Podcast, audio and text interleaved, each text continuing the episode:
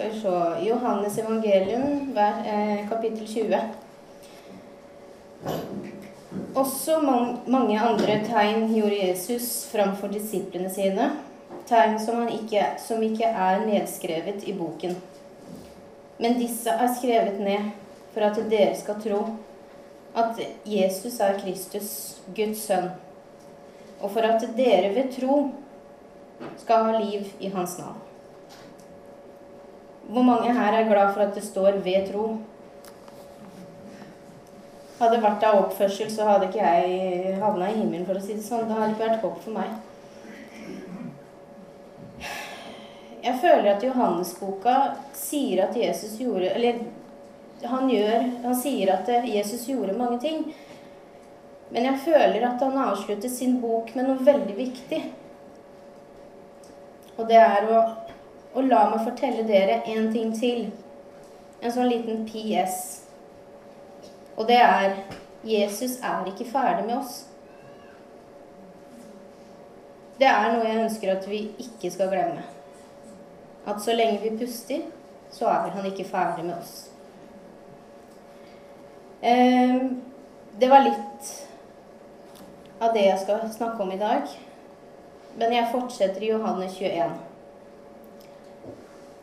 Siden åpenbarte Jesus seg på ny for disiplene ved Tiberiasjøen. Han åpenbarte seg for, på denne måten. Simon Peter, Thomas, kalt Didymus, Nathanael fra Kana og i Galilea, Sebedeus-sønnene og to andre disiplene hans var sammen. Simon Peter sier til dem, 'Jeg går ut for å fiske.' Og de sier til han, 'Vi går sammen med deg.' Har ikke noe annet å gjøre. Jo spise. De dro ut og gikk straks ut i båten, men den natten fikk de ingenting. Men da, men da det blir morgen, sto Jesus på stranden.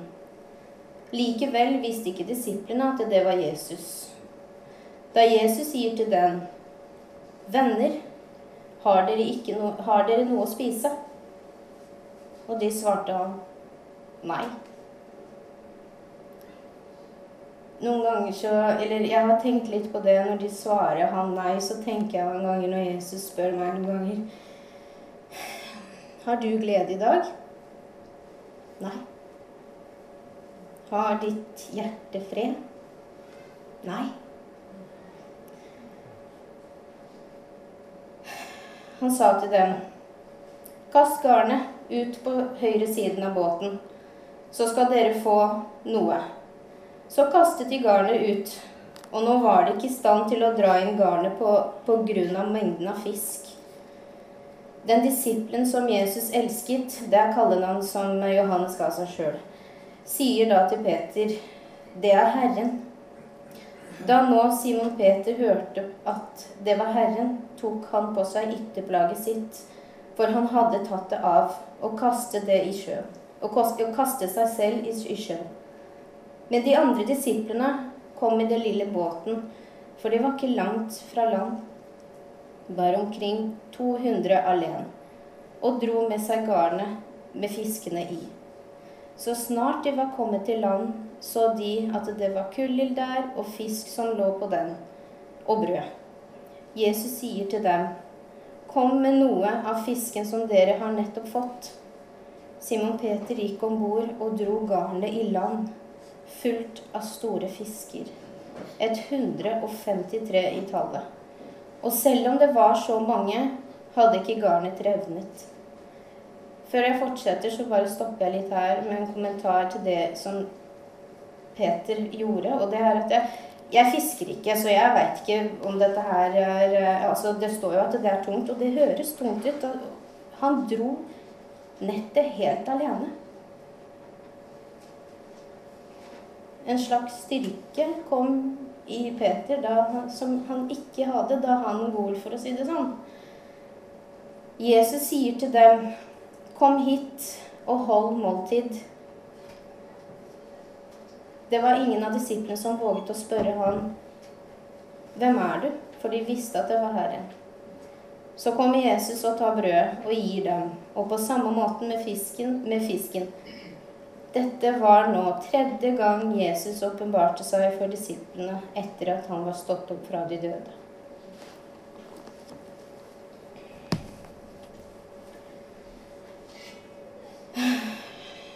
Så dette er det vi skal snakke om i dag. Livet etter nedturen. I det siste så har jeg ønsket å leve energifullt og være positiv og vise en slags forvandling som har skjedd i meg. For jeg veit at Gud ønsker meg bedre tider i det livet jeg har valgt å ha han med. Og han jobber med at jeg skal bli mer glad i meg selv. Og det er mange endringer som har skjedd. Men jeg føler at jeg har levd i mine nedturene og svik. Da Jesus spør Peter tre ganger om han elsket ham, så var det ikke fordi han ønsket å gi ham en leksjon om forskjellige ord til kjærlighet. Men meningen ligger i matematikken. Noen vers før, tilbake i Bibelen, før Jesus kommer til Peter på stranden. Peter har fornektet Jesus tre ganger. Det hjalp meg å se en slags sirkel av øyeblikk om Jesus og Peter. At Herren ga nåde for å dekke alle hans feil, og Peter ikke hadde mer fornektelse enn Jesus hadde nåde. At Peter ikke hadde mer tvil enn Jesus har barmhjertighet. Det kommer til meg at hvis ikke du gjør disse ordene som jeg skal dele i dag, personlig for deg, så vil dette bare være enda en tale fra Bibelen som du har hørt fra før. Selv om jeg tror at Jesus selv om, det, selv om jeg tror at det Jesus gjorde for meg, forbereder meg til livet i himmelen For at jeg skal tro at jeg skal komme en dag til himmelen og gjøre det Gud vil at jeg skal gjøre, så er det ting jeg trenger Jesus til mens jeg fortsatt er her akkurat nå. Det er derfor jeg ønsket å snakke med dere om livet etter nedturen. Og når jeg sier nedturen, så lar jeg det være åpent for dere til å tenke og legge inn deres historier, hendelser, tilstand du ikke snakker om, kanskje ikke ønsker å tenke eller føle. Det kan hende at du ikke har språk til å snakke om det engang. Det er virkelig på ingen måte for oss å snakke om påskebegivenheter uten å snakke om korset. Og det er virkelig ingen måte for oss å oppleve påsken slik disiplene gjorde. For oss symboliserer korset kjærlighet, tro. Vi vet at syndene våre er spikret der. Vi vet hvilken makt den har over skammen verden kan bringe oss. Men samme korset og blodet som rant for oss. For disiplene så representerte det et brutt løfte og en forventning om riket Jesus kom for å bringe. Disiplene var Jesus sine venner. Peter var en venn av Jesus. Og for mange av oss her som liker Bibelen og har lest den flere ganger, eller hørt på flere taler om Peter og Jesus, så vet dere at det fins en annen historie om dem før den jeg leste. Da Jesus møtte Peter for første gang.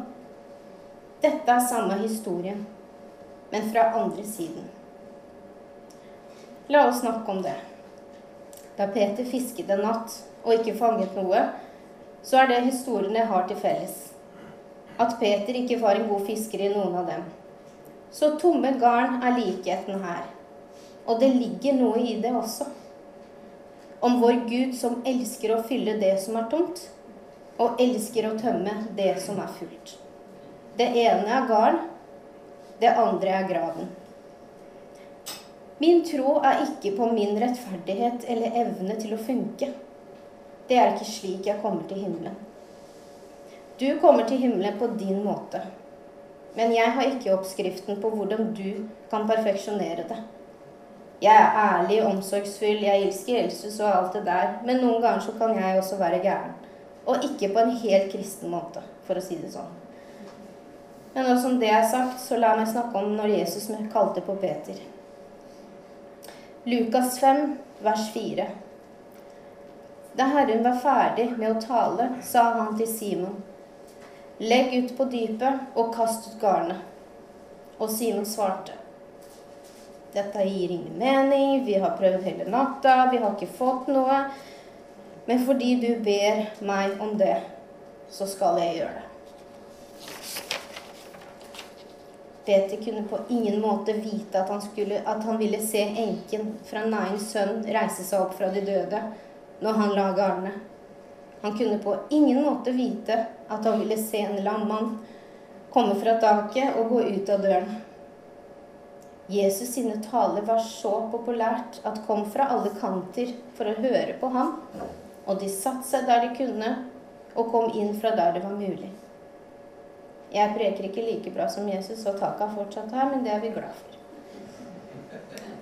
Hans undervisning hadde så mye kraft og autoritet at folkemengden elsket ham, helt til han sviktet dem.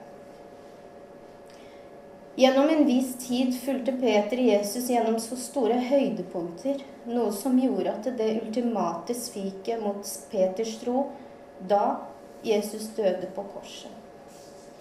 Når vi ser på korset, så vet vi at Jesus ikke er der lenger. Vi vet at den kan forvandle ødeleggelse til forløsning. Korset betyr håp for oss. Men for disiplene så var korset som et spørsmålstegn. Har vi kastet bort livet vårt på ham? Skulle vi ha hørt på de som sa 'ikke følg denne mannen'?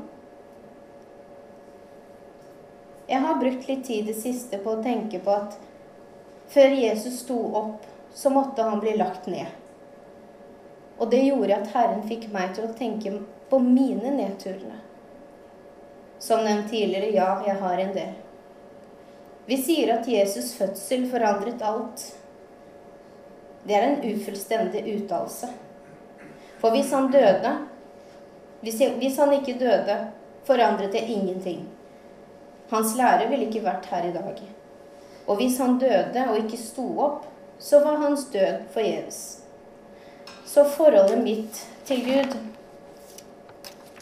er ikke for at han blei født i en krybbe eller døde på korset. Altså, jeg erkjenner det også og tar til meg viktigheten i det. Men det at han sto opp, for han sto opp, det er det som får meg til å stå opp. Og før vi kan komme til det på en måte som betyr noe mer enn motiverende tale, må vi spørre oss selv er Han Herren over dine skuffelser? Noen ganger så kan jeg ta opp mobilen, og så kan jeg scrolle gjennom bilder. Og så kan den ta meg til steder, mennesker og hendelser hvor jeg opplevde mine nedturene. Og så kan jeg tenke Herlighet, den jenta som var 14, 24, 34, visste ikke bedre enn hun som er snart 39. Jeg så at noe endret i øynene mine etter at jeg fant ut hva folk kan gjøre med deg. Etter at jeg fant ut at, alt, at ikke alt jeg kommer til å sette på min ønskeliste til Gud, kommer han til å gjøre. Mange ganger snakker vi om skuffelser over de tingene vi, fikk, vi ikke fikk. Men noen ganger så er de største skuffelsene de tingene du ønsket deg, jobbet for, fikk dem, og du kan ikke sende dem tilbake. Så står du der og tenker. Og ber Herre om hjelp, for du aner ikke hvordan du skal håndtere det. Vet du hvorfor det er så ubehagelig når vi kommer til denne delen av historien? Fordi vi kjenner slutten. Så vil vi bare hoppe over alt det som ikke er så veldig gøy å snakke om. Peter gjorde ikke det. Han dro på fisketur. Peter gjorde ikke noe som var synd, som man gjør 2023, når man kanskje mister alt, mister håp. Går ut på byen, drikker seg drita full gjør hva man vil. Han dro tilbake igjen til det han kunne gjøre. Men det som overrasker meg, er når han gjorde det. Dette var tredje gang han hadde sett Jesus siden han hadde stått opp. Jeg kan forstå hvorfor han dro for å fiske. fordi Herren hadde ikke visst noe spesielt til han enda. Jesus hadde stått opp. Han var ikke død. Det er noe veldig spesielt. Hvor ofte hører du om det? Men det er noe med Peters, Peter som lever fortsatt i skuffelsen. Men hvordan kan du fiske når du har en hel verden å dele ord med? Han hadde fortsatt noen uker igjen før Jesus skal opp til himmelen, men han drar ut på fisketur. Og Jesus, da? Har han ikke noe bedre enn å lage frokost? Du ønsker å forandre hele verden. Du har et budskap om oppstandelsen. Og du kaster bort tiden her på å lage mat til de som sviktet deg når du trengte det mest. Ikke bare det. Han kaller dem vennene sine. Jeg trenger at Gud hjelper meg med å gi den slags kjærlighet, fordi jeg har en viss grense, og når folk krysser den, så har jeg veldig vanskelig til å slippe dem inn igjen. Jeg veit ikke om det er rett eller galt, men det er en viss linje der. Og hvis noen svikter meg lenge nok, så slutter jeg å ha de i livet mitt. Jeg forbanner dem ikke. Jeg slutter å slippe dem inn. Jeg dreper bare mine forventninger til deg hvis du svikter meg lenge nok. Jeg er på samme måte i livet. Hvis jeg ber om noe, eller går etter noe, og jobber for noe, og jeg gjør det lenge nok Hvis jeg blir sviktet lenge nok, vil jeg ikke slippe håpet inn. Så Jesus står som min rollemodell, og Petter står som mitt budskap. Jesus står på stranden og roper på de samme disiplene som det sviktet han i sitt laveste øyeblikk, og går bort til dem med tomme garn og sier, 'Vil du spise frokost?' Jesu Kristi oppstandelsen er et godt dokumentert begivenhet. Om du tror på det eller ikke. Men denne delen vil redefinere ditt forhold til oppstandelsen. Hvis du tror at han bare reiste seg for øyeblikkene hvor din tro er på toppen, da har du gått glipp av budskapet i Johannes 21, som sier at før Jesus kunne sette seg ved Guds høyre hånd, før Jesus kunne sette seg ned der og kalle sitt arbeid på jorden fullført, så måtte han finne Peter. Det er ikke første gang, andre gang eller siste gang. Men det er noe vesentlig med tredje gang. Peter hadde tre fornektelser. Jesus var død i tre dager. Det representerer punktet der forventningen deres hadde gått ut. Og Jesus går inn i øyeblikket hvor de fortsatt ikke hadde fisk. For noen vil dette budskapet være slik. Men Astrid, jeg skjønner ikke helt hva du mener her. Jeg lytter til Gud i alt det han har å si til meg. Og når jeg får det jeg får og ber om, så sier jeg takk. Og når jeg ikke får ja, så takker jeg for det også. For nei jeg har fått. Det er ikke disse ordene her for deg i dag. For du er tydeligvis allerede i himmelen. Men for oss andre vi trenger et budskap når troen er helt i bunn. Jesus han velger det laveste øyeblikket i livet ditt noen ganger til å avsløre den største kjærligheten.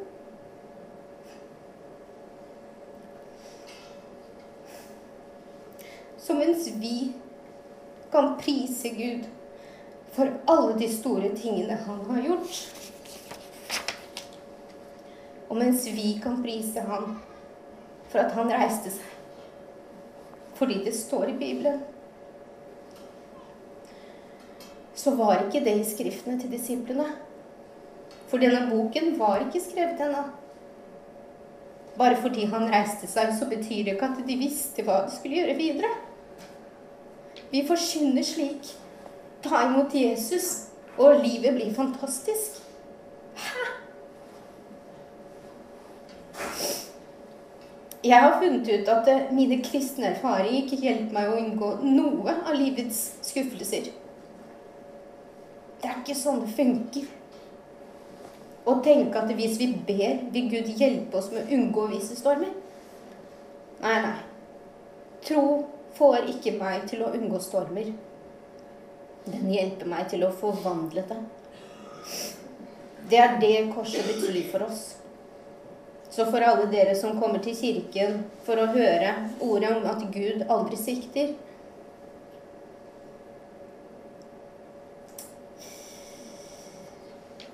Da tenker jeg at eh, Peter kan fortelle dere at eh, noen ganger så gjør han det. Å basere forventninger og kalle det tro, det blir feil. Å tilpasse Bibelen til alle delene som får deg til å føle deg bra, og kutte ut alle delene der de fisket og ikke fanget noe. Jesus gikk til korset og døde. Det er omtrent like ille som det kan bli han disiplene forlot alt for å følge, han dør. Han som skal overkomme Roma og få undertrykkelsen Få ut undertrykkelsen. Men det gjør han ikke. Han dør. Noen mennesker er ikke skuffet over Gud, for de aldri håpet på han til å begynne med. Peter var en leder. Når han sa 'jeg går og fisker', de andre sa 'vi blir med'. Og den, størst, og den med størst potensial opplevde også den største smerten. Og det er, det er visdomsord for noen. Jo mer du håper og stoler på Gud, jo større sårbarhet vil det være for de øyeblikkene i livet ditt hvor fienden hvisker Gud er ikke med deg når du har det vondt. Hvem her har vært gjennom eller går gjennom noe vanskelig? Han er Herren over de dagene også. Jeg vet at alle snakker om at han sto opp fra de døde. Men før han reiste seg, så ble han lagt ned. Vi må øve på å vite at det vi går gjennom akkurat nå, som vi ikke tror at vi kommer til å klare Men det trodde vi om sist også, og vi kom oss gjennom det. Det at vi er her i dag, er bevis.